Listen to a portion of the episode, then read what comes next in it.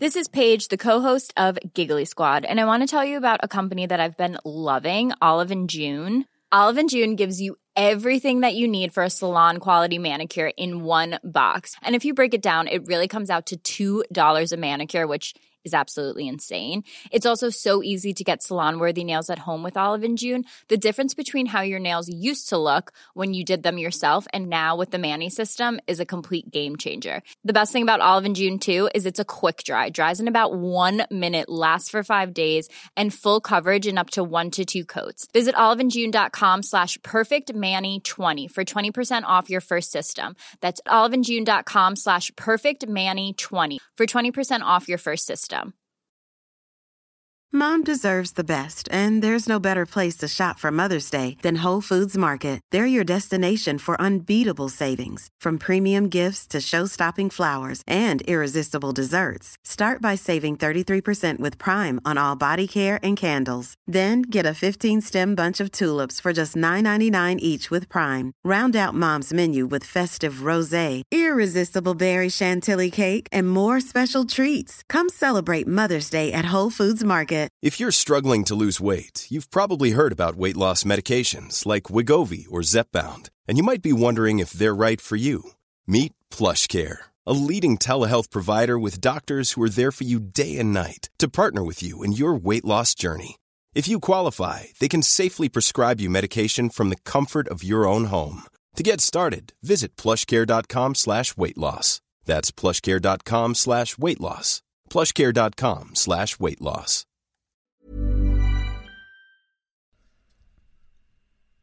Er du klar for pod, Øystein? Kjempeklar for pod. Kjempeklar. Det Våren er over oss. Asfalten er tørr. Det er nydelig å være bilentusiast og, og Scootspod-prater i disse tider. Ja, nå er det mye som foregår overalt, altså. Ja, det er det, altså. I dag har jeg montert eh, Optima-batteri i min Porsche 356 og gjør meg klar for historisk racing på Varnabanen i Moss i, på lørdag. Så det gleder jeg meg til. Ja, så, den som hører dette tidlig på morgenen på lørdagen, de kan faktisk rekke det, de da. Ja, kast deg i bilen. Føremøte klokka ti. Forbudt for publikum. Ja, det er helt Ta med noe gammelt og still opp. Ja, det er det. Ja. Nei da, men uh, først er det pod. Vi kjører pod.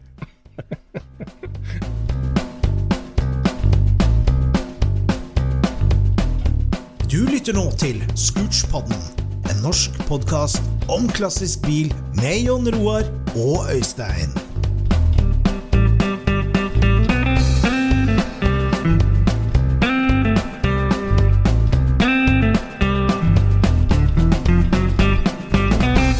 Yes, ladies and gentlemen, velkommen til en ny episode av Scootspodden, din absolutte favorittbilhobbypod.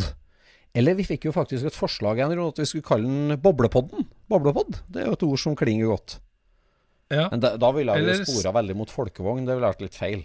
Det er jo ikke så mye av det. ja, det er ikke så mye av det.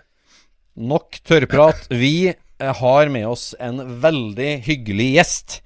Eh, en kjent figur for mange i eh, folkevognmiljøet i Norge, og en eh, kar som vi, som vi vet har lytta på Scootspodden, og som vi har snakka om Scootspodden med, og som det er veldig hyggelig å ønske velkommen til torgs her i dagens episode. Øyvind Berger, velkommen! Tusen takk for det. Det er uh, veldig hyggelig å kunne være med. Nå legger du på sånn eh, applaus, ikke sant, Jon Roar? Sånn Ja, masse applaus. Der. Ja, det gjør jeg. Nei, veldig hyggelig, Øyvind. Eh, takk for at du tar deg tid til å svinge innom podden. Du eh, har jo vært lytter en stund, har ikke du det? Har vært lytter helt siden starten, jeg. Det Ja. Ivrig lytter på hver eneste episode. og Koser meg med Scootspod når jeg kjører til jobben. eh, Stort sett uh, hver mandag, egentlig. da For jeg laster jo ned episoden på fredagen, så hører jeg dem i bilen på mandagen eh, når jeg kjører til jobb. Ja, så bra, da. Så Så det er helt topp. Har du akkurat en time kjøring til jobb, da, eller? Ja, det er ganske nøyaktig en time, så det pleier å avslutte sånn rett ned i svingen nedafor uh, hotshop, egentlig. Uff, det er rart. Det er rart det der at uh, Ja, å vite at det er mange som uh, hører, hører om oss og på oss, Det er rart. Og så Ja, blir det jo bli, blir, det jo en sånn ting som uh, blir en vane, da, vet du, når det har vært så mange episoder nå et helt år, ikke sant. Så, Så er det jo uh, rart med det. Altså det, det skal være sånn når du kjører til jobb på mandag, liksom. Skal det? Hva er en passiar, et øyeblikk fra Scootspoden som du husker på? da, Det Det er et veldig godt spørsmål, men eh, jeg kommer ikke på noe sånn helt uh, Jo, det er jo det julemysteriet. Ja, ja da, det var Jeg, jeg tror det er eh, høydepunktet så langt, liksom. Hele den, den uh, runden der med alle de episodene og spenningen og vente på neste og Du er jo, du er jo en fantastisk historieforteller, Øystein, så det, du skulle jo jobba med å lese lydbok og sånne ting, du vet du. Så. Da tror jeg det hadde blitt mye sinte forfattere rundt forbi. Ja, blitt mye freestyling, som vi sier. Det er litt vanskelig å holde seg til manus. Og, ja, nei, hvis en kan dikte på litt, eller dra på litt, så er jo det greit. Nei da. Nei, eh, alt er sant. Alt er sant, selvfølgelig. Det er bare mer eller mindre sant. Ja, det tror jeg. Men eh, nok om det. Eh, det er veldig hyggelig at, eh, å få gjester. Vi, vi, eh, vi prøver jo som sagt å ha en balanse på gjester og, og bare oss to, så, da, så det er helt supert. Og nå har vi fått sendt den denne vandremikrofonen vår da, fra ja, ned til deg i Fredrikstad, Øyvind. Så um, Ja da, nå sitter jo- vi på, på Long Island, da. Eller La- Langøya, da, som det heter her i Fredrikstad.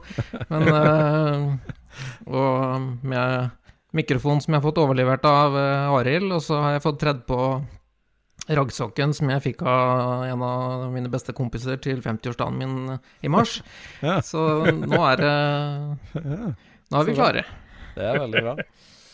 Ja, for du har jo vært omtalt i podden før, både som eh, selvfølgelig hotshop altså, og, innehaver der og sånn, men du var jo også eh, nevnt, husker jeg, når vi hadde eh, Arild Dyrkorn på første besøk, som en sånn motivator og nærmest en bobleevangelist allerede på, var det ungdomsskolen, eller i hvert fall videregående, i Moss. Ja, altså eh, Arild og jeg vi møttes jo på ungdomsskolen i Moss.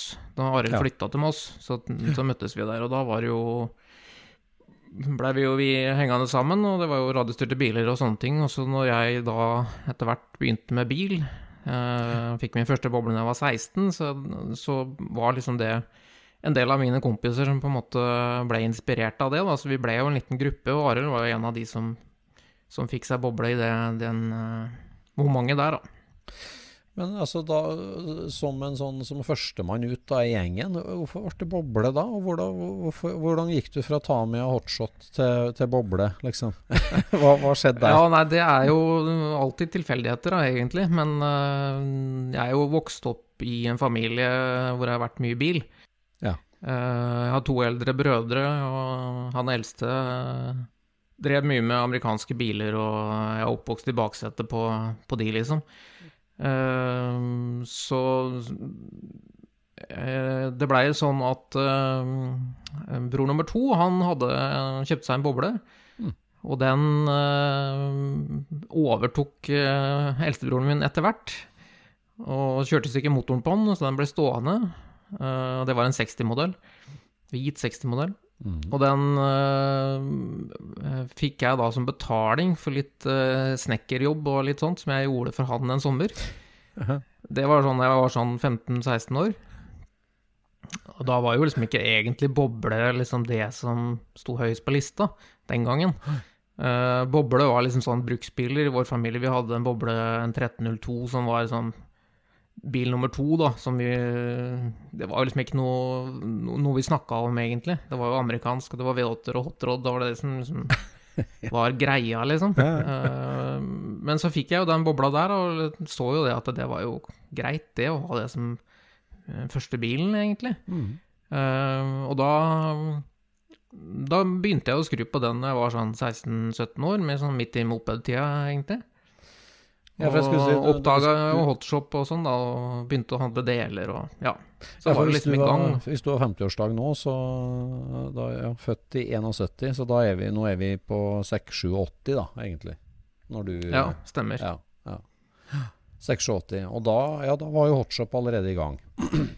Ja, så jeg var jo Min første tur til Hotshop var jo eh, på det lokale nummer to, da, der var de eh, holdt det sånn midt i Skjønhaug sentrum. Ja. skulle opp der og kjøpe hvite Cobra bøtteseter og hvite Caluc-lister. Det skulle være hvitt og ja. Oi.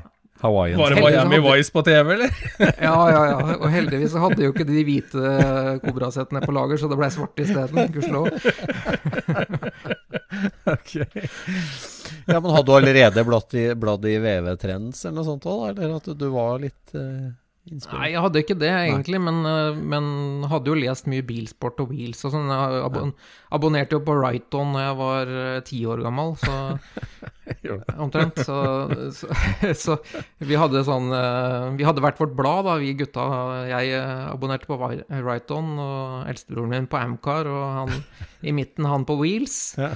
Så, så, så så jo en del bobler og sånn i de bladene, da. Men den, den Calluc-trenden var liksom ikke helt eh, kjent for meg enda. Så det var jo mer liksom Vi titta jo på Pink Lady og, og disse her custom-bilene, liksom. og Det var jo mye rart der med, med shoppa bobler og litt sånt. Men så, så turen til Hotshop første gangen, da, da visste ikke jeg noe særlig egentlig om liksom Calluc-trenden, og at det var et slags eh, miljø for det. Så jeg handla jo bare deler og hadde mine ideer oppi huet om hvordan det skulle være. Så, så den bilen ble jo litt sånn Ja, det var jo litt eh, litt custom på den, men det var ikke mye liksom sånn til å begynne med. da. Det var 14 tonns transporterfelger, og så var det bøtteseter og, og en, en hjemme-Mekk-senk foran, Ja. liksom. Uh, og den var jo klar på 18-årsdagen, så, så jeg tok lappen på 18-årsdagen og,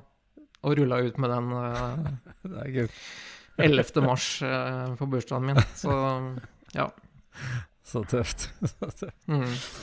Men altså, de andre brødrene dine, fastna de i Amcar-sporet, eller gikk de ut av billobbyen etter hvert, eller? Ja, eldstebroren min han har jo alltid holdt på med bil, og det er eh, amerikansk sånn stort sett han har eh, holdt på med. Helt, han holder på fortsatt, egentlig. Eh, mens han mellomste uh, ga seg egentlig med bil sånn når han fikk familie. Mm.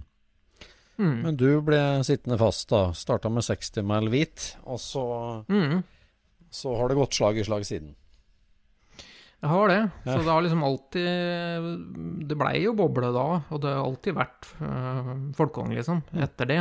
Selv om øh, tanken om en hotrod og tanken om forskjellig amerikansk har liksom egentlig alltid ligget der, men, men det har liksom aldri falt seg sånn at det skulle skje. og Sånn som nå i dag, så, så, så blir det litt for langt lerret å bleke for meg. Så, så derfor så er det fint fortsatt med folkevogn. Og folkevogn er jo en hotrod, syns jeg også. Så det er jo Ja. Men du har jo Amcar-lærdommen, da. Du skiller på en Impala og en Mustang, og du, du har repertoaret klar. Jo, ja, ja, ja. Eh, har eh, alt det innabords. Ja. Eh, Vi, vi eh, var veldig ivrige på, på byggesett og sånne ting da jeg var liten. Jeg har bygd stort sett alt som, eh, som monogram og revell og, og disse her eh, 1-24 byggesettene kom i. Ja, det, det er jo egentlig en sånn sidehobby vi har snakka litt for lite om i poden i noen år. Altså det med Ja. plastmodellsett. Det, vi, vi bygde jo det alle sammen. Alle vi som er interessert å- på vår alder, bygde det. Men altså, det markedet der måtte ha ramla helt ut bånn av det. det, altså, det driver noen med unger med det i dag?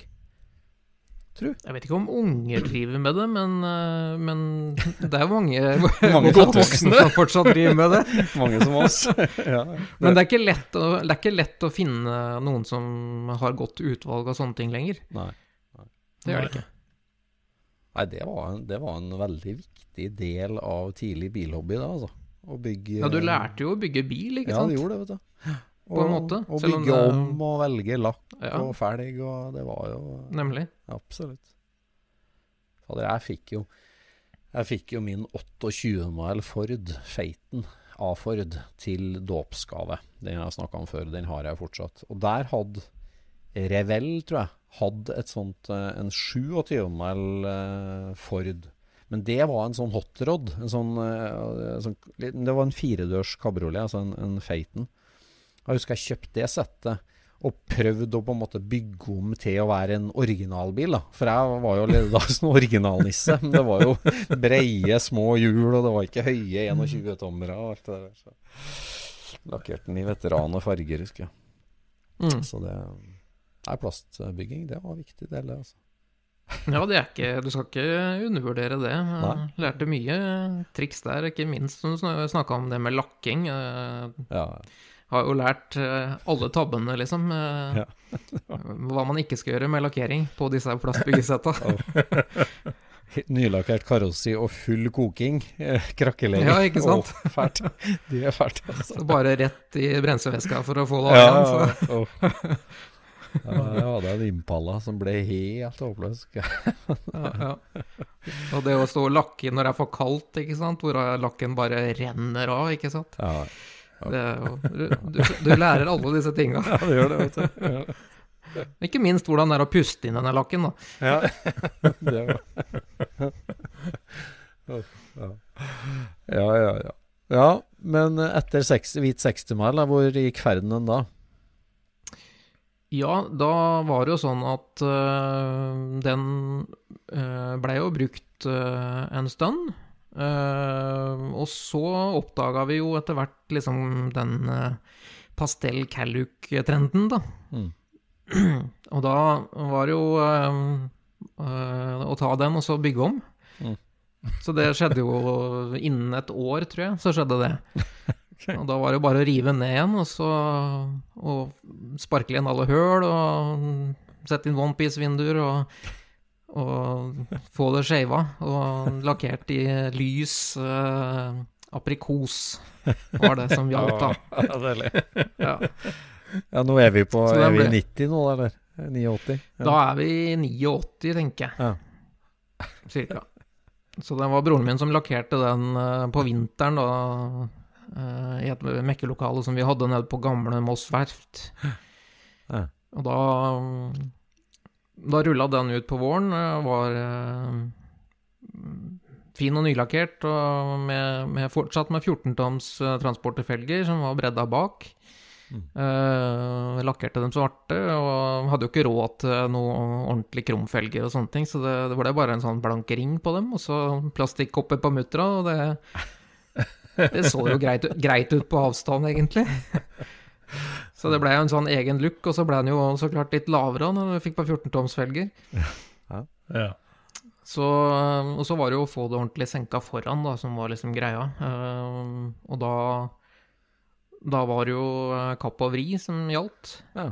Eh, fikk jo kjøpt sånne senkesatser og sånn, men, men det var jo om å gjøre ting- gjøre ting så billig som mulig. Da. Det var jo, jeg gikk jo på skolen og hadde jo ikke så mye penger, liksom. Så, så det, det var kapp og vri, og jeg visste jo ikke hvor mye jeg skulle vri, da, så det ble jo litt sånn cirka. Ja. Og da ble, da, da ble den jo så klart litt for høy, da. Ja. det, da var jo, da, da, da var det jo å finne noe triks, da. Så jeg hadde jo det trikset at jeg fylte reservehjulet foran med vann. ja. Så da, da ble det en fin høyde. Da ble det Ja, og så ble det jo eh, neste vinter der igjen, så ble det jo bygging av motor da, til den bilen. Ja. Så jeg bygde jo min første motor til den, en 1835, med en 041 topper og, og en Engel 120 kam og 45 Delortos. Så det var jo Det var jo ordentlig, det da. en- Ja, det, gjorde det ordentlig med balansering og alt, liksom. Fulgte boka og Mm. gjorde det skikkelig. Og den motoren ble kjempefin, egentlig. Gikk som en kule, den. Mm. Det var jo en kjempeforandring. Jeg, jeg var jo i, i sjokk, husker jeg, det er første gang jeg prøvekjørte den etter å ha kommet fra den der eh, originale 60-modellen, som var litt sliten, og så satte inn en uh, fresh 1835. Du var i sjokk, ja? Jeg var i sjokk hvor bra det gikk. Du følte du hadde ordentlig sportsbil? Ja. Ja da, Ja, det det, var det. liksom uh, Det var helt verst, syns vi da, da. og det kjørte jo fra alt som var av GTI og alt sånt, så det, det gikk jo bra nok, egentlig. Ja. Men altså, da var dere en gjeng da som drev med boble i Moss der, og i det Mekke-fellesskapet, eller altså, dere var Ja, da var, vi, eh, da var vi noen kompiser som holdt på. eh, En tre-fire stykker som, uh, som holdt på. Og så mm, Moss er jo ikke akkurat kjent for mye liv, så vi dro jo som regel til Fredrikstad. Og da traff vi jo på Finn-Erik Stensrød, og, og, da var jo Cool Cruisers Østfold akkurat uh, etablert, så vi ble jo innlemma der etter hvert. Ja, akkurat. Så vi var jo Cool Cruisers-gutta, uh, vi, da. Ja. Det var jo en pionerklubb på mange måter, det, da. Med veldig ja. aktiv og ivrig og, og, og, hadde en veldig klar signatur i tidlig norsk folkehåndmiljø. Absolutt. Mm. Mm. Og det var jo, så, så, det var jo et veldig godt og øh, Det var så mange folkevogner i Østfold, egentlig, da. Mm. mm. mm. Og kult klistremerke hadde de òg. ja, absolutt. mø mm. møte med resten av Folkevogn-Norge, da, på en måte. Når var det Når var du videre, var ikke videre der? På, og, og ja, nei, det var jo På den tida der så var vel øh, øh, Buggen var jo et av treffa, så det var jo Buggen på Rudskogen. Mm. Uh, jeg var vel så vidt på buggen på Sandstangen også, men ikke med egen bil, bare som besøkende. Mm. Så buggen på Rudskogen uh, var jo stort. Da, da, hadde vi jo litt dragkjøring, sånn enkel, enkel, greie. Så det var vel egentlig første gang jeg var utpå og fikk prøvd på, på en stripe med mm. den aprikoselukeren ja. i sprutende, sprutende regnvær. Så det var jo en spesiell type dragrace, akkurat det. Men, eh, men kjempegøy allikevel. Ellers så var det jo de treffa rundt i Norge jeg var mest på. På, på Tjøme og mm. nede på um, I Skien var det vel også et treff. Mm. Uh, og i Oslo og, og på Gjøvik. Mm. Bugcamp var jo et av de morsomme treffa der, liksom med mm. overnatting og fest og, og sånn. Mm. ja, det var en, litt av en skole, det der. Husker godt. Tenk på det at det var treff ja, i hver bygd, eller i mange byer da, i Norge. sant? Det, ja, det, det, det, føles nesten mm. litt fjernt nå. ja. Men det var jo, det var jo en sånn uh, toppunkt rundt uh, 88 til 90 der. Da var det jo Da skulle jo alle ha folkevogn. Mm. mm. Det, var, det, var, en stor greie, det da. Mm. Er helt klart. Mm. Mm. Mantorp hørte vi jo om, men det, det, det, var for langt unna for oss uh, studenter. Altså, vi, vi, hadde jo nok med å få bensin på tanken og kunne kjøre en lørdagskveld, egentlig. Uh, så det å dra dit, det, det ble for omfattende og for mye penger, egentlig. Ja, student, ja, for du valgte jo ikke en bilkarriere, Eivind. Hvor gikk du hen der, sånn profesjonelt? Nei, jeg valgte egentlig Jeg var veldig usikker egentlig sånn når det gjaldt utdannelse, så jeg valgte uh, å ta et toårig grunnkurs som besto av både allmennfag og uh, elektro, egentlig. Uh, mm. Grunnkurs elektro. Mm. Så jeg starta der og hadde vel egentlig en tanke om å ta datateknisk utdannelse, da. Mm. Men uh, så er det jo Så gikk det jo sånn, som det ofte gjør, da. Man treffer noen, og så plutselig så kommer det noen barn, og så forandrer alt seg. Så jeg, jeg gikk egentlig ferdig uh, på Og var uh, rødruss. Gikk naturfaglig, som det het da. Um, og nå etter det um, har jeg ikke noe å snakke om, egentlig. uh, så, så, så, utdannelse er ikke så mye av, men uh, jeg har en grei uh, CV i forhold til livets skole, da, det har jeg jo. Mm. Så begynte jeg å jobbe Når jeg fikk tidlig familie, så ble jo pappa i 91. så da, da begynte jeg å jobbe i malebutikk. Uh, Jobba vel i ti år omtrent i det. Uh, var alltid fra visegutt til slutt uh, daglig leder og dataekspert og alt mulig rart. Mm. Så var det jo sånn da at på den tida så, så ble det installert uh, sånn butikkdata, som det så fint heter. da. Gikk jo fra å skrive kvitteringer på sånne paragoner med blodpapir til uh, å skulle ha uh, et omfattende datasystem. Uh, og da man da fikk det installert, så takka forhandleren for seg og sa vær så god, og, og gikk. Og da sa sjefen til meg at det der må du lære deg. så da, da, måtte jeg gjøre det, da. Så til slutt så kunne jeg det bedre enn det forhandleren kunne, så da fikk jeg tilbud om jobb der. Så da skytta vi beite og gikk over i databransjen. Ja. ja, men det er en ting Altså det her med å være en god entreprenør, det er jo en eh, del av hvordan jeg kjenner deg, Øyvind. Altså, jeg vet ikke, Vi møttes vel for 20 år siden, kanskje, i folkehåndmiljøet. Og du har jo hele tida Altså, du, du dreiv jo etter hvert for deg sjøl uh, jobbmessig. Og, og um, altså Bugrent med SSC og nå Hotshop, så, så har du jo hatt en sånn uh, en veldig målretta tilnærming til ting. Også hobbyen din. Altså om det er å bygge en bil, eller, eh, eller ja, være med å etablere det som ble Norges eh, største og beste treff, selvfølgelig. Så du, har vært veldig, du er veldig systematisk når du nærmer deg et prosjekt eller en utfordring. Og, og, og grundig og, og, dyktig til å få til ja, butikk av det, for å si det sånn. Så, så det, sånn kjenner jeg deg veldig sterkt, og det, det er et gen du har.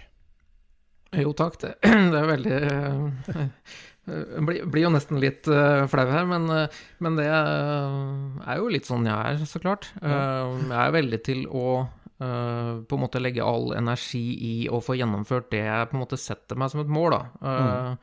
Det er en sånn Jeg har en sånn indre ting om at jeg ikke kan mislykkes på det jeg setter meg som et mål. Ja, uh, det er liksom ikke akseptert da, å mislykkes. Så derfor så, så, legger jeg lista veldig høyt, og så, og så jobber jeg på til jeg har liksom nådd det målet, da. Ja. Så det er jo på godt og vondt, på en måte, men, men så har det jo blitt noen resultater av det, da. Ja. Absolutt. Mm. Så det er jo moro, det, egentlig. Å få til ting. ja. Mm.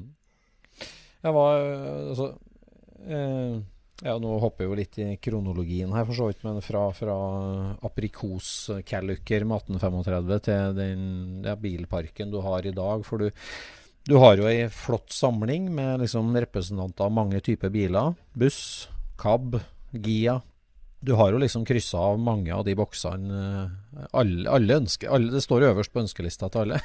lista di. Ja. så det har gått systematisk til verks i både bygge samlinger og alt sammen. Hva, hvil, hvilke prosjekt er du mest stolt av av bilene dine? Det, det, er et vanskelig spørsmål, egentlig. Eh, det er jo en, en lang historie bak liksom mange av de, da, egentlig. Mm. Mm. Så det er liksom vanskelig å velge noe. Men det er jo sånn at uh, man har en drøm om én ting, og så mm, ja, får man liksom uh, gjort det og realisert det, så, så, dukker en ny idé opp, ikke sant, og så, mm. så, er det det som er det store, og så Ja. Det det er vanskelig å, å, velge det, men uh, når det gjelder bilene, så er det liksom Ja det er jo Karmangiaen min som står meg nærmest, da. Ja. Den har hengt med meg veldig, veldig lenge, og det er en bil som jeg på en måte har øh, drømt om, da, veldig lenge. Det var jo sånn at øh, den, den, rosa, eller aprikose Callicaren, den blei bytta bort øh, på i Ja, det var vel faktisk i 91, samme året som jeg blei pappa. Mm. Så ble den bytta bort i en 57 Carmangia, som var halvferdig. En, ja. en svensk-importert uh, Gia, som etter hvert havna hos Thomas Tørjesen. Ja. Uh, og det, der hadde jeg jo en, en visjon om, å bygge den også til en ordentlig sånn aprikos Nei, ikke en aprikos, men en um, pastellukker. Ja. Uh, det, var noe, var ikke noe annet mål på den tida? nei, det var ikke noe annet mål på den tida. Det var liksom det, det som gjaldt. Det ja, og det var, det var skeiva og cleant og, og, en spesiell farge, liksom. og den skulle bli bringebærrød, da, den, den bilen. Um, så innså jeg jo da, når jeg ble pappa, at dette går jo ikke. Uh, så den ble da bytta bort med, mot en eh, 57 oval som Thomas Tørreten hadde. En sånn eh, rødbrun oval som var hans første bil. Er sikkert mange som husker den. Mm. Eh, og den, eh, den hadde jeg i mange år. Eh, den var jo en originalbil når jeg fikk den. Mm. Eh, og den jeg, tror, jeg tror nok kanskje jeg var den første som lagde en sånn restolukker. For det eneste jeg gjorde med den, det var jo at jeg, jeg senka den helt ned. Kjørte fortsatt med wideside og, og alt blanke på den, men helt ned i bakken. Ja. Um, og kom med den på bugcamp, husker jeg. Jeg har aldri fått så mye kjeft uh, i hele mitt liv som, uh, som da jeg kom med den. Jeg kunne ikke gjøre sånn med en originalbil. da var det ingen som hadde uh, sett en restolukke før. Jøss. Så du var restolykkerpioner, du, rett og slett, i Norge? Jeg tror kanskje faktisk det. Uh, jeg kan ikke huske noen særlig andre som, som gjorde det på den tida, i hvert fall. Um, Så du ja, fikk altså fra- mer kjeft for at du ikke hadde fjerna listene. Det er, det er godt jobba. Ja, det var litt sånn på den tida at enten så hadde du en originalbil, hvor alt var originalt, det så helt ut som da bilen kom fra fabrikken, eller så hadde du bygd den helt om. Og da var det ikke i nærheten av originalt, altså det var ikke noe midt imellom den gangen. Og så kom du. Så, det, så da var det Da var det kjeft å få, husker jeg, når det kom med noe som var midt imellom der. Um, nei, altså Den bilen hadde jeg jo i en del år når, uh, når familien var ung, da, for å si det sånn. Ja. Um, så går det jo som det ofte gjør med, med familier. Det, det er for liten tid til biler og sånn, så, så den ble solgt og bytta inn i en litt mer brukende bil. Um, og det ble litt mer sånne bruks uh, da. Uh, Passater og transportere og litt sånne ting. Helt opp til starten på 2000, egentlig. Uh, 2002. Uh, da 2001-2002, når, når det her VV Norge-forumet kom i gang, Ja. ja. så var jo jeg en av de som hang med der og fikk inspirasjon til på en måte å komme litt i gang. VV2U det først, så klart. VV2U Ja, heter først. Eh, så fikk jeg inspirasjon der til å liksom komme litt i gang igjen, da. Ja. Eh, da var det jo et par prosjekter som var innom. Det var en, en eh, fastback en, og en uh, Carmangia som Ja. dere har vært innom i poden før, som skulle bygges om etter Johan Roars uh, Phantom-tegning. uh, ja A- AC-Gia. AC-Gia, ja. Ja, ja, ja. Eh, begge de to eh, forsvant jo videre, eh, før jeg egentlig fikk gjort noe med dem. Så Det var vel Alien som var og henta fastback, var det ikke det, da? jo, det stemmer, den gikk nordover, ja. Hmm. Ja. Og da kom den karmagien nedover. Det der var ei en fin tid. Altså den ti- tidlig 2000-tall i norsk bilhobby, og spesielt folkevognhobby, med denne foruma virkelig var på høyden. Og plutselig så ble hele Norge united, liksom. Det der med Ja, kobla sammen, ja. Ja, kobla sammen, rett og slett. Altså, da, da vi, vi satt i hver vår bygd og drev lokalklubb og lokaltreff. Og ja, ja, kommer aldri over Dovre, sa vi i Trondheim selvfølgelig, og liksom sånn. Men plutselig så var det en felles plattform. Og, og som Ja. du, Evin, vi, vi ble jo alle veldig motivert på den tida der. Når mm. det hagla med innlegg, og han bygger motor, og han bygger om, og han er dust, og han er kul. Og det var jo, det var jo kjempeartig tid, altså. Ja. Ja, det var det. Jeg husker jo- at jeg fikk en uh, telefon ja, av deg, uh, Øyvind. ja. Det var før jeg noen gang hadde møtt deg, så, så ringte du Jeg vet ikke akkurat hvorfor du ringte til meg, men, men det var i hvert fall at du hadde sittet på ferjeleie og sett en masse biler. Altså masse folkevogner som hadde vært på treff. ja, det stemmer. eh, Husker du det? Mm, Og da ringte du meg og sa at det burde være en oversikt over hvor disse treffa er. Og en, og en sånn push-notis på at det nå blir det treff, sånn at alle som har litt annet å tenke på også, får med seg treffa. Ja, stemmer. Jeg det var deg, det, ikke sant? Ja, det, det var det. Uh, ideene kom jo allerede da. uh, det var vel eh, en kollega av meg, Nils, Nils Arne, Arne. som kjente deg, som da Ja. tipsa meg om deg, og så ja. så Han hadde jeg mopedtida mi sammen med, vet du, Nils Arne. Så da ble vi jo linka sammen der allerede. Sånn var det, vet du. Mm. Så var det jo Kom jo liksom Når du jo Roar dro i gang eh, det her med Calluc-treff, da, eh, Ja. så kom jo liksom den kunnskapen inn, da, om at det fantes noe, noe Calluc før eh, pastell-Calluc òg. Det var liksom. Det det var helt ukjent for meg helt opp til da, egentlig. Liksom, at Det var liksom en aha-opplevelse da. Ja. Så da Ja, det var en serie med oppvåkninger på mange forskjellige fronter der for alle, altså. ja, det var det det. er Altså. helt klart. Og da, da blei det jo Da skulle det jo så klart bygges en sånn bil, da. Ja. Så da blei det jo handla inn en, eh, en 58 av eh, fra Oslo. Dødsvogna, som vi kalte Døds. den. Ja. Fikk det navnet fordi det ikke var noe bremser på den. Men motor var det. Ja da, nei, det ble jo bremser etter hvert også, så den eh, Den ble jo bygd opp eh, som en litt sånn eh, Ja, hva skal jeg kalle det for, da? En Calluc light, egentlig. Litt rat-look og litt sånt. Men der var jo egentlig målet å få inn en skikkelig motor, da. Ja. Uh, Blei jo inspirert av at det, jeg så at eh, man kunne bygge stroker-motor plutselig. Det, det, det var jo også en åpenbaring som plutselig kom uh, i de, på de tidene der, liksom. At jøss, uh, yes, var ikke 1915 det største?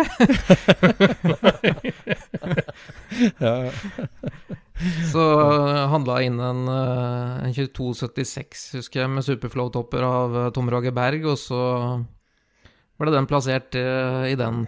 Og kjørte vel eh, første gang dragracet med den på Gardermoen i 2005, tror jeg. Ja. Tror jeg Ja. var første turen ut. Fikk to ja. turer ut før, snu, før svinghjulet løsna.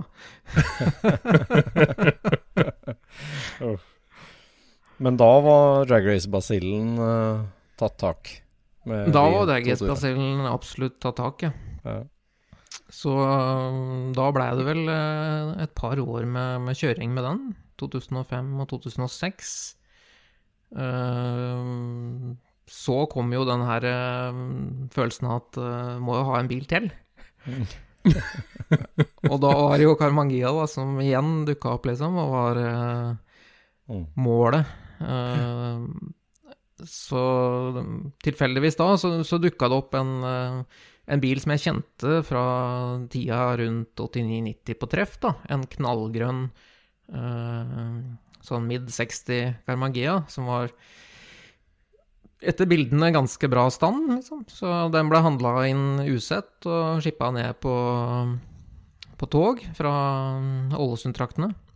Mm. Strippa ned og, og lakkert uh, svart etter sånn som eh, drømmen så ut oppi huet mitt. da. Mm. Ja. Og det ble gjort på åpen scene. Det ble gjort på åpen scene. Det var jo kjempegøy, egentlig. Jeg kunne lage en prosjekttråd på den og ha litt mm, fort progresjon. Og jeg så jo fort at den bilen, den, den kan ikke på en måte, man, man kan ikke legge en, eh, en 50 000 kroners lakkering på den. Eh, Fordi det var gjort så mye rart med det karosseriet. At jeg fant at dette her Skal jeg, skal jeg få kjørt med den nå, så må jeg ta en quick fix. Så det, det blei jo å, å fikse de, eh, de grove rusteangrepa og de, de store feila, og så pusse ned og lakke igjen hjemme i garasjen. Mm. Og den lakken sitter her ennå. Gjør det. ja. Gjør det. Ja. Men de gikk veldig unna, gjorde de ikke det? Altså, jeg syns Jo, husker at dette her var et veldig kort prosjekt, egentlig. Ja da, jeg kjøpte den på vårparten, og hadde den vel kjørbar, eh, ferdig lakkert sånn godt utpå sommeren.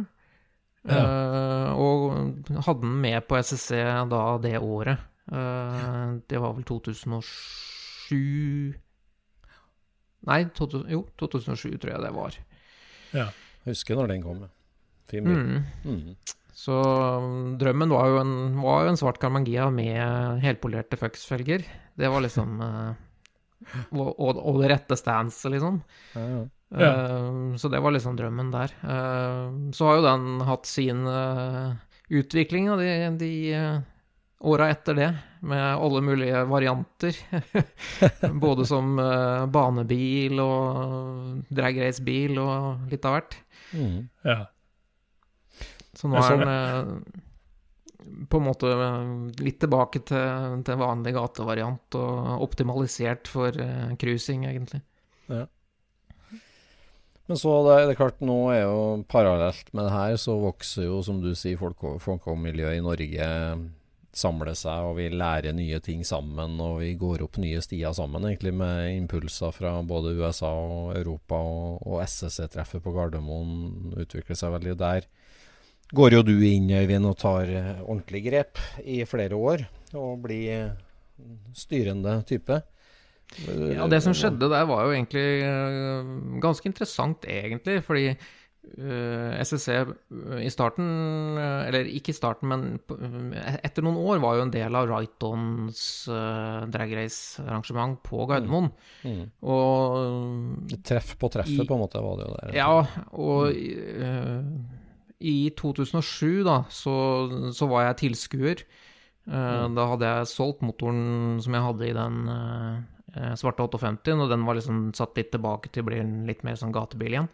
Uh, og var egentlig der som, som treffdeltaker med de to bilene, og satt på tribunen og så på. Og da var det jo kommet gjester til SSC fra England. Richie Webb annet var der mm. uh, med sin gule kabriolet. Og, og, og, jeg så jo liksom at uh, folkevogngjengen ble nedprioritert hele tiden i mm. eh, kjøringa, og de fikk nesten ikke kjøre til i det hele tatt. Og jeg var så sinna etter det treffet at eh, jeg, jeg, kunne ikke la være å bare ringe til Jon Roar og si at eh, nå er det nok.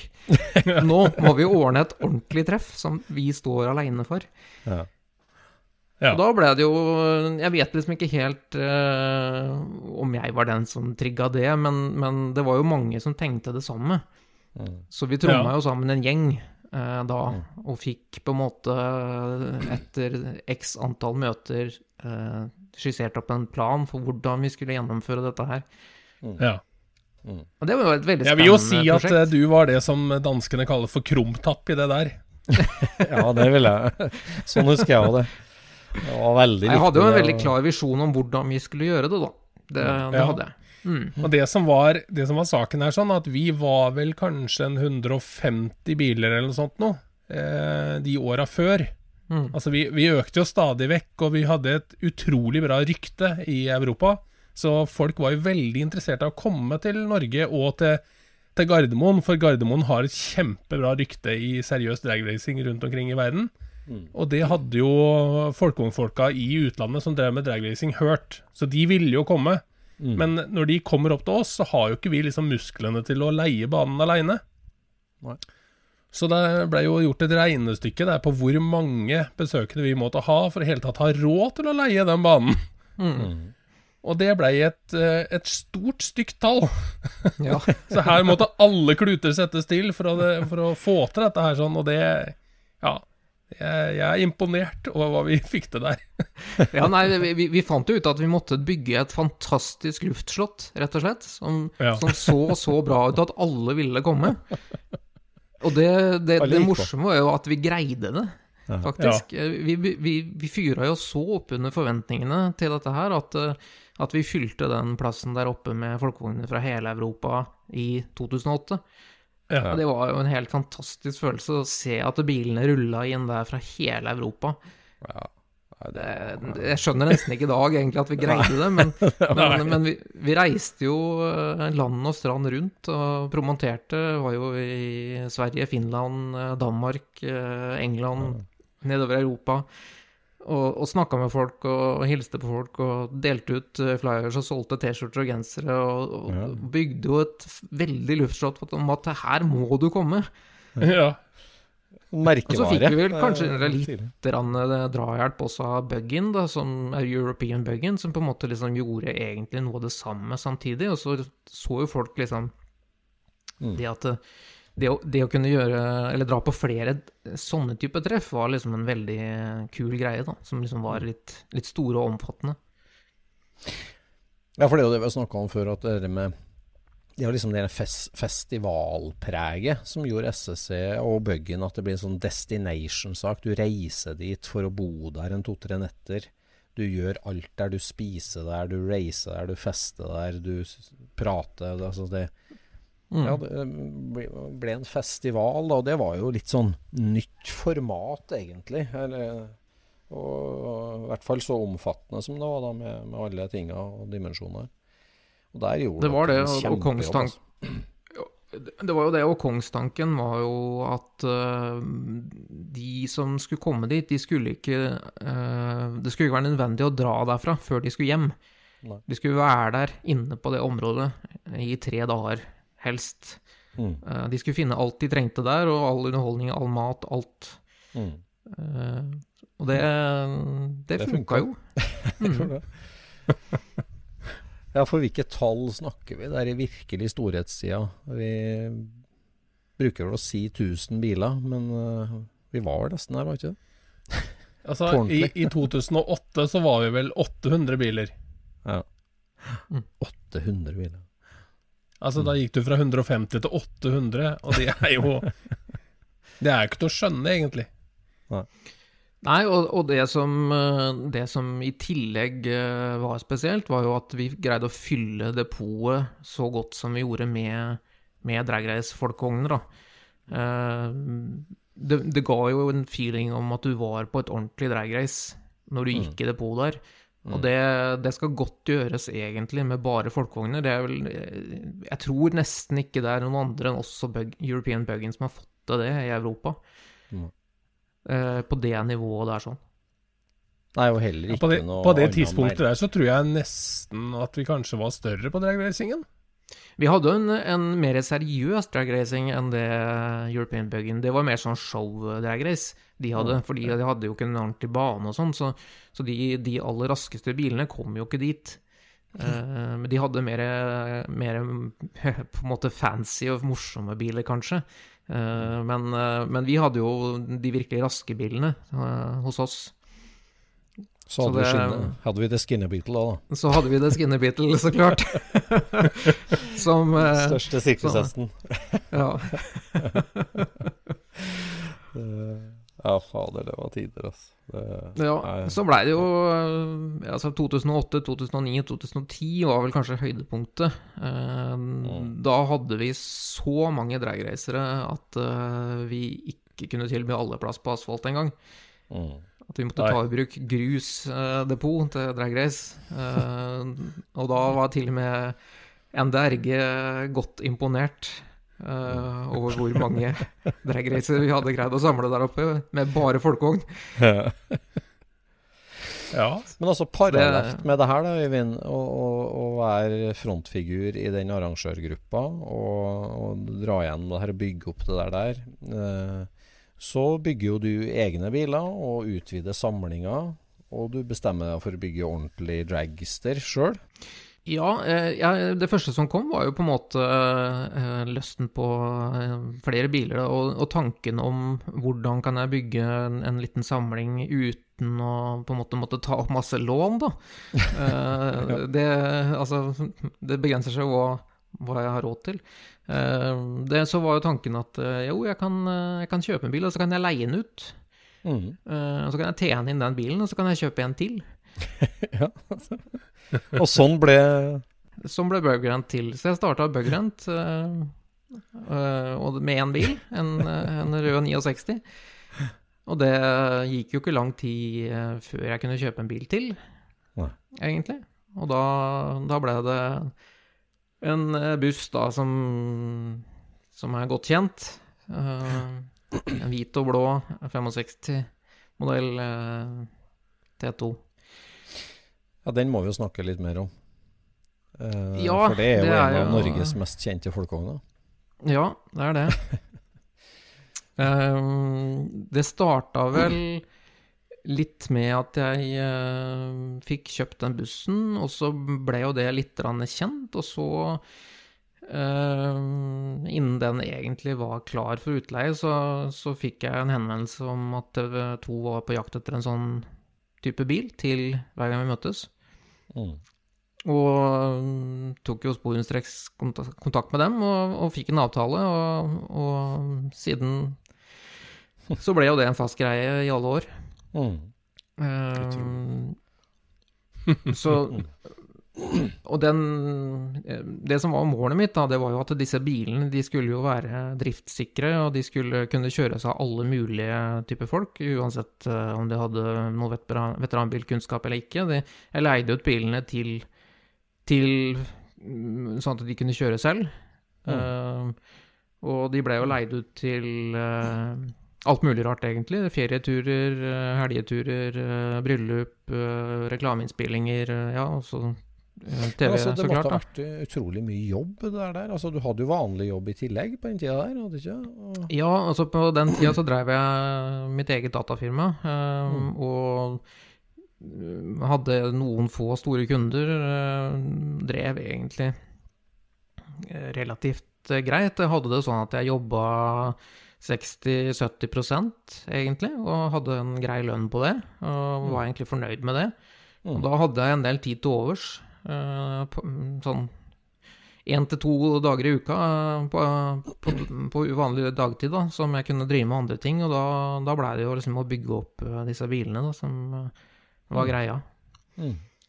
Mye skruing. Altså det, det er jo både det administrative og reklame, reklamere og alt sånt. Og vedlikehold og skruing. Hadde du, hadde du, noen som hjalp deg med det, eller, eller skrudde du sjøl?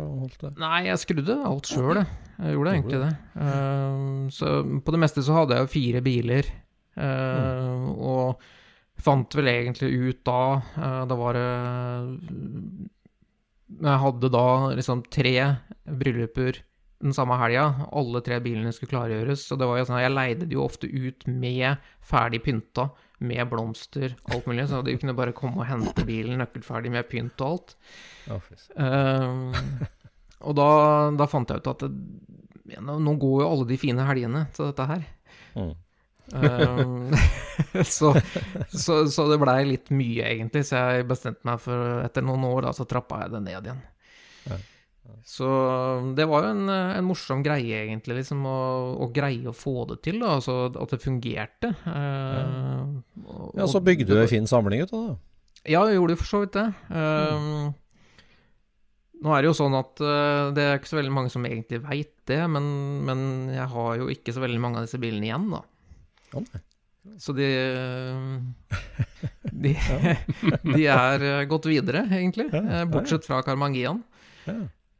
Ja så Så ja, altså Tanken var kanskje å ha en samling, og så etter hvert. Men så er det jo sånn at eh, når man har opp... Jeg er litt sånn at når jeg har oppnådd det jeg på en måte har prøvd, da, eller ønska å få til, så, så, faller interessen litt, egentlig. Mm. Så da når jeg da hadde fått til denne utleiegreia, og det fungerte, og jeg ser at det her er det, Dette er jo Det går an å få til. Så, mm. så dalte jo liksom litt interessen på det, og, så, og, da hadde jeg jo fått en bra samling med biler, egentlig, og, og tenkte at eh, jøss, ja, nei, nå, nå, blir det litt mye jobb med det her òg. så, så da, da, da, blir det litt sånn at en ser etter nye ting å drive med, da. Ja. Og da var det jo, var jo drag race igjen, da, som eh, på en måte dukka opp i bakhuet. Jeg slutta jo å kjøre drag race med den herre svarte dødsvogna, som vi kalte den. Uh, når, jeg, når, jeg, så liksom uh, Etter å ha kommet i mål uh, i 160-70 km i timen på en originalstol med, med firepunktsseler, og så at brystet rant ut av kanalene, liksom, da tenkte jeg at nå skal jeg kanskje ikke gjøre det her mer før jeg har en ordentlig bil. Mm. så så tanken liksom fra da og opp til uh, Ja, det var vel uh, 2010 Nei, 11-12, kanskje. Jeg har begynt å tenke på å bygge meg en drag race-bil, da. Mm. Det var vel uh, klart inspirert av all den drag racen vi har sett på SSE de åra, ikke sant. Så, så var liksom Nei, nå har, nå har jeg lyst til å bygge en drag race-bil, så ble liksom alle ressurser lagt i det, da. At nå, nå skal jeg realisere det. Mm. Så, ja, da gjør du jo som du pleier, som sagt, å gå veldig systematisk til verks, husker jeg. Altså, du jobba i høy takt og med topp innsatsfaktor, altså gode deler og gode, og en klar plan og måloppnåelse. sånn. Ja, det var så, egentlig mm. det. Ehm, jeg hadde jo Jeg skal ikke si at jeg nådde alle måla mine med det, men, men, tanken om å kunne lage en dragracebil som jeg kan kjøre nesten så mye jeg vil med på stripa, mm. Mm. Uh, den fikk jeg til. Mm. Uh, tanken utover det var egentlig også å kunne greie å hevde seg i uh, NM i dragrace, mm. i pro ET, liksom. Uh, å kjøre blant amerikanske biler og alt av mulig annet, og hevde seg litt. Det var også en drøm, egentlig, men uh, jeg kom ikke fullt så langt med det, da. Mm. Men uh, Rabalder, den har du fortsatt? Rabalder, den har jeg fortsatt. Der ble det også sånn at jeg på en måte så at jeg hadde nådd målet mitt, da. mer eller mindre, og tenkte at nå nå skal jeg gjøre noe annet. Uh, så, så, jeg la den veldig ut for salg. Uh, og som vanlig når du legger ut en dragracebil, så er det jo null interesse, fordi det er jo ingen som vil betale det det koster for en sånn bil. uh, så, så, jeg begynte egentlig å selge den i deler. Plukka ut motor og girkasse og tenkte at nå, nå, selger jeg motor for seg, girkasse for seg, og selve bilen for seg. Og så får jeg kanskje noe i nærheten av det jeg har lagt ut på det. Men så, men det eneste som ble solgt, var girkassa, egentlig, eh, før uh, Egil uh, Slettner da, på Hotshop mm. Mm. Uh, sa til meg at uh, den bilen kan du ikke selge. Nei. Så jeg kjøper den. Så han kjøpte den til Hotshop. Oi, og så er jo historien sånn at jeg kjøpte Hotshop etterpå, så da, da, har jeg egentlig kjøpt den tilbake igjen. Akkurat. Så den, den eneste som mangler på den for å få den komplett, er egentlig en ordentlig girkasse, da. Mm. Mm. Men om alt det du fikk ut av uh, den bilen var ett eneste ting, så mener jeg at det fortsatt hadde vært verdt det. Og det er det der hjulløftbildet, hvor den står 45 grader rett mot himmelen. ja. ja, ja, heftig. Det var noe heftig jeg starta der. Ja, det var jo fantastisk, egentlig. Det der ja, det var En utrolig merkelig følelse når du får et sånt juleløft. Det er som om du sitter på en stol og noen bare drar ryggen bakover. Du ser bare plutselig himmelen, og så tenker du at her må jeg bare trykke inn alt som er, og så bare smeller det ned igjen. Jeg har jo ikke den der eh, evnen til å holde gassen inne, sånn som eh, enkelte andre dragracere har. Når, når, det der skjer. Altså Heldigvis noen som tok bildet, da. ja. Altså at du gikk så høyt, det var egentlig bare treg reaksjon, det, altså, man, med, å, med Nei, altså. For de som ikke vet uh, Kjenner til bilen, da. Det er jo, så er jo Rabalder er jo en, en, en 63-modell boble som uh, er montert inn i en uh, transporter 2,2 liter med turbo på, så det er jo en tre ja, Første utgaven hadde en 350 hester, andre utgaven hadde litt over 400. Mm. Uh, og med, med, den mengden hester og svære slik, så, så, må du ha en eller annen form for uh, slurkontroll da, i starten, liksom. For du kan ikke bare slippe kløtsjen. Altså, da, da, går det, da, går det, sånn som på de bildene. Det går bare rett opp. um, så, så, det som skjedde, var egentlig at på, når, når, de bildene ble tatt, så, så fungerte ikke den der uh, sluremekanismen. Okay. den, svikt, den, svikta. Så, så, når du da lader uh, det trykket du skal ha til start, og slipper kløtsjen brått og forventer at den slurer litt, og så gjør den ikke det. da blir det sånn. Da blir det bra bilder. da blir det veldig fine bilder. Men veldig dårlige tider, da. Ja, ja, det er det ja. Ja, for det, da er vi jo til liksom, hva skal si, den nåværende fasen i livet, da, Øyvind, der du har redusert antall biler i samlinga, redusert antall timer i garasjen, og, og, gjort hobbyen til levebrød i form av at du tok over Norges første og største folkevognbutikk. Ja, øh, jeg, jeg, hadde drevet Ja, jeg hadde drevet øh, mitt eget øh, datafirma i uh, ja, siden 2001 omtrent. Uh, var vel egentlig sånn ganske passe lei av databransjen og ja, pendling til Oslo, uh, sånne type ting. Og, og sa til meg sjøl at nå, nå, er det på tide å gjøre noe annet. Oh. Da bodde jeg jo i Trøgstad. Eh, hadde jo en god kontakt med, med Hotshop og gutta der. Eh, tok en ordentlig runde med meg sjøl. Hva er det jeg vil? Hvor, eh, hvor skal jeg hen? Eh, hva kan jeg? Hva, hva, hva bør jeg drive med, liksom? Og, og tenkte at jo, jeg kan butikk. Jeg jobba med butikk. Jeg kan data. Jeg kan folkevogn. Mm. Og så tenkte jeg da er kanskje ikke så langt unna å, å begynne å snakke litt med, med gutta på Hotshop om kanskje vi skal finne på noe der. Ja. Så jeg hadde en litt sånn eh, glidende overgang, egentlig. Jeg starta å jobbe litt der.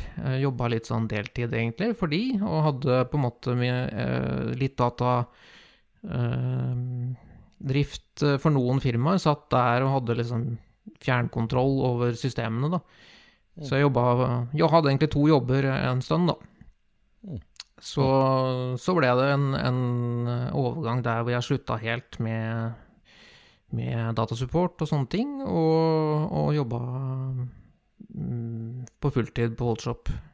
Ja. Så, så var det jo sånn at uh, Egil og Eivind, da, som, som eide Hotshop på det tidspunktet, de hadde jo en stund tenkt på at uh, de kanskje burde overlate bedriften til yngre, friske krefter. De nærmer seg jo pensjonistalderen.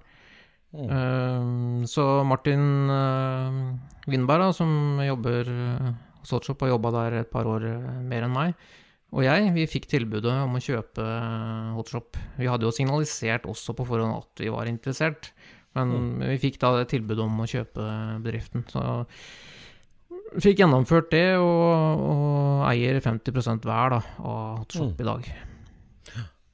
Fenomenalt. Og har eh, lagt inn et nytt gir, føles det jo litt som. Altså sånn med, med en ny nettbutikk og, og, og det, går, ja, det går jo så det suser, gjør det ikke? Hobbyen Ja, altså du kjenner, jo, du kjenner jo meg. Altså Når jeg da får en idé om at jeg skal gjennomføre noe, så så, stå, så, så, så må det liksom gjøres ordentlig, da.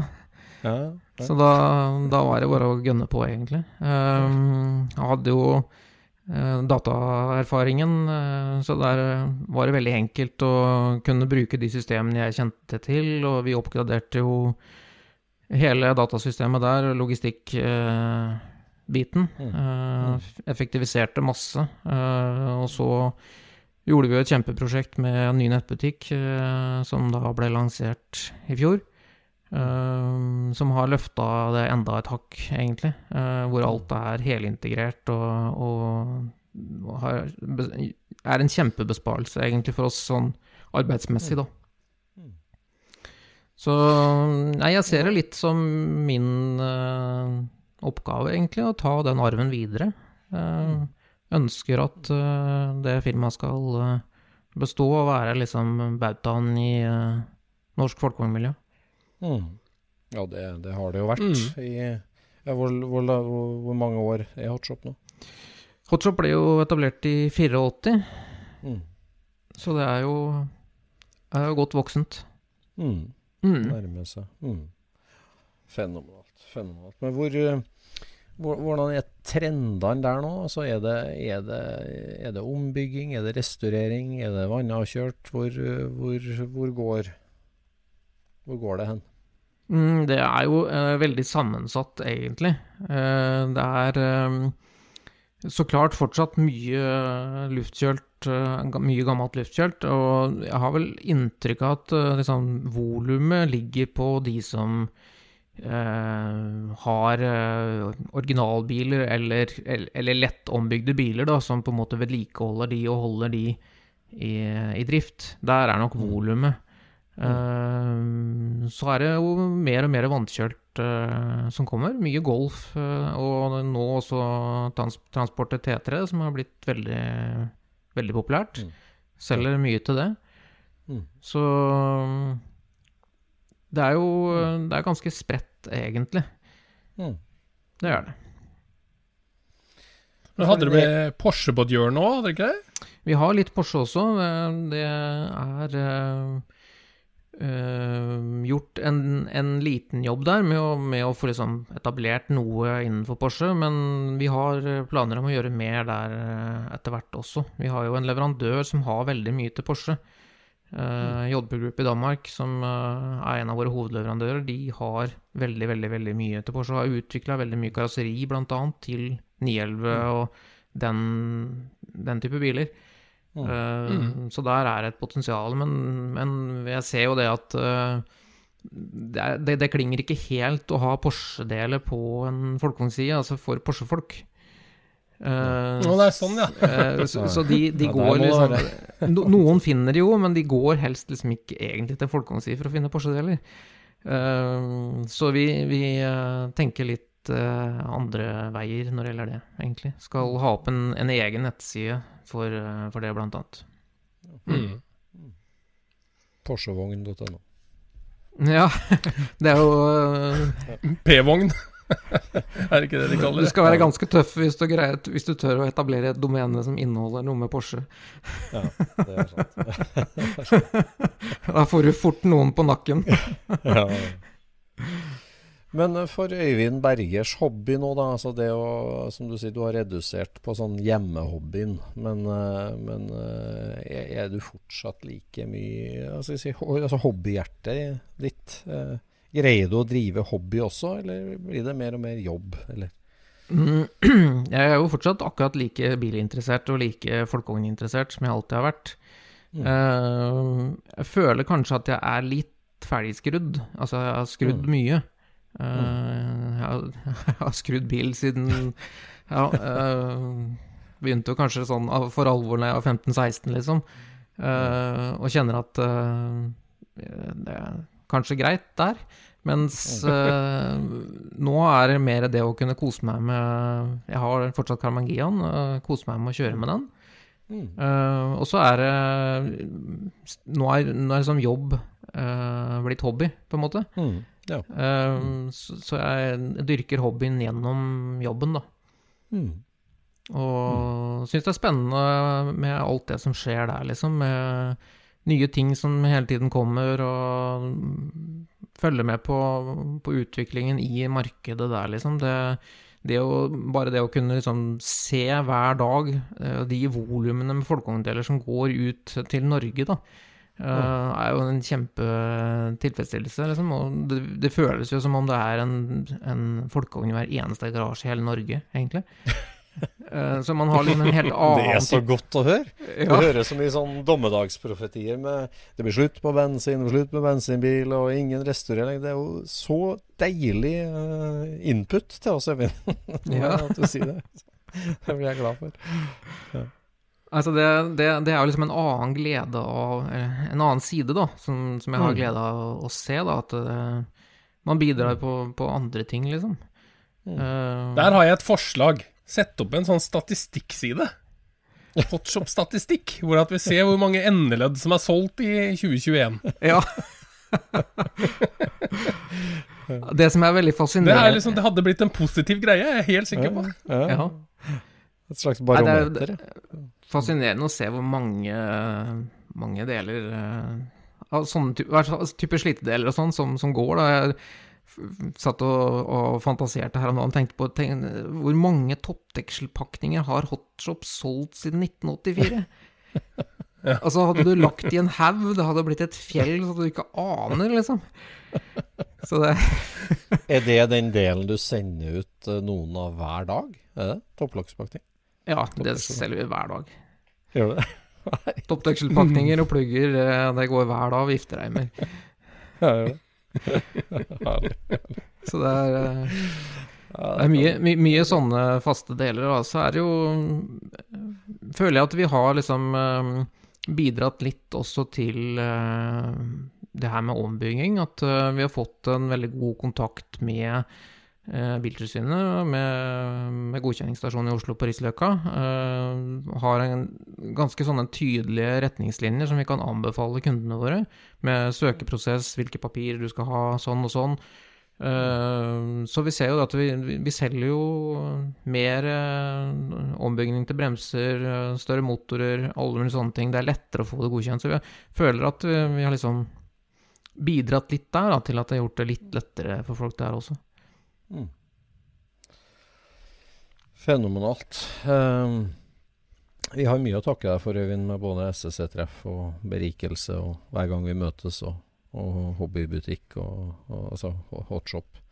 Så, og det er jo det her vi har snakka om i Scootspoden mange ganger, med at vi er jo ei lita lekegrind og en rar samling med nerder, egentlig, i det store og hele. Men at vi, altså de som er med og gir moment til det her svinghjulet, og kaster nye, spennende leker oppi lekegrinda, som vi alle koser oss med, det, altså de som er bidragsyterne, som bidrar, der er jo du, Øyvind, og derfor er det hyggelig ja, sånn som, å ha Ja, og så har du det med, med at Hotshop er jo en av de butikkene som virkelig gir noe tilbake, da til, eh, til SSC og miljøet og arrangerer dette 1. mai-cruisinget som har vært tut og vink mm. de to siste gangene. Men eh, mm. altså, de gjør noe tilbake, og det ja, vi, må vi folk få med seg.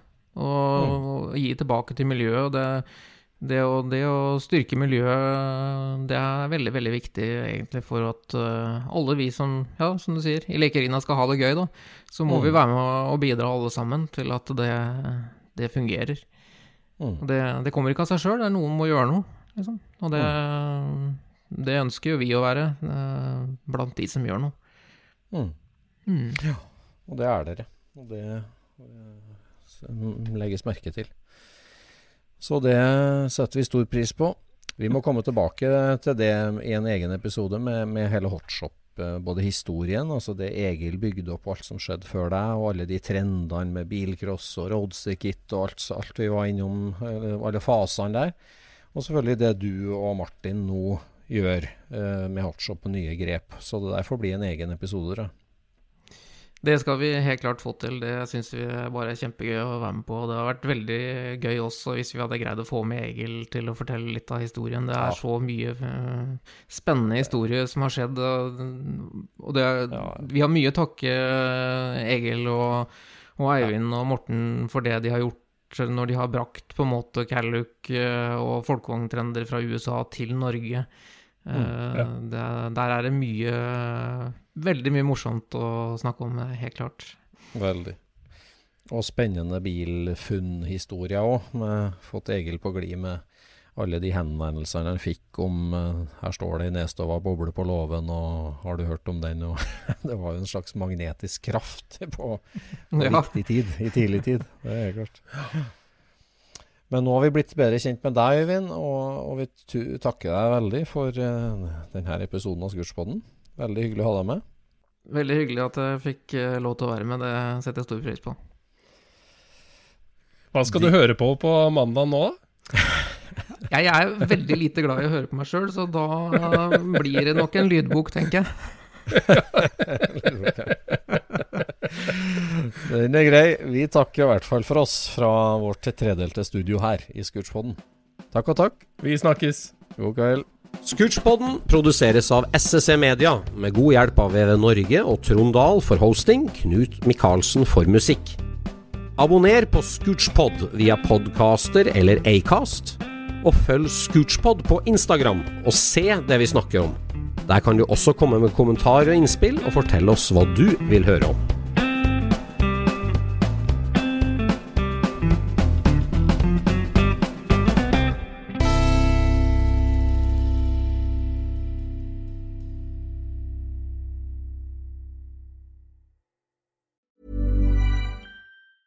Planning for your next trip? Elevate your travel style with Quince. Quince has all the jet setting essentials you'll want for your next getaway, like European linen, premium luggage options, buttery soft Italian leather bags, and so much more. And is all priced at 50 to 80% less than similar brands. Plus, Quince only works with factories that use safe and ethical manufacturing practices.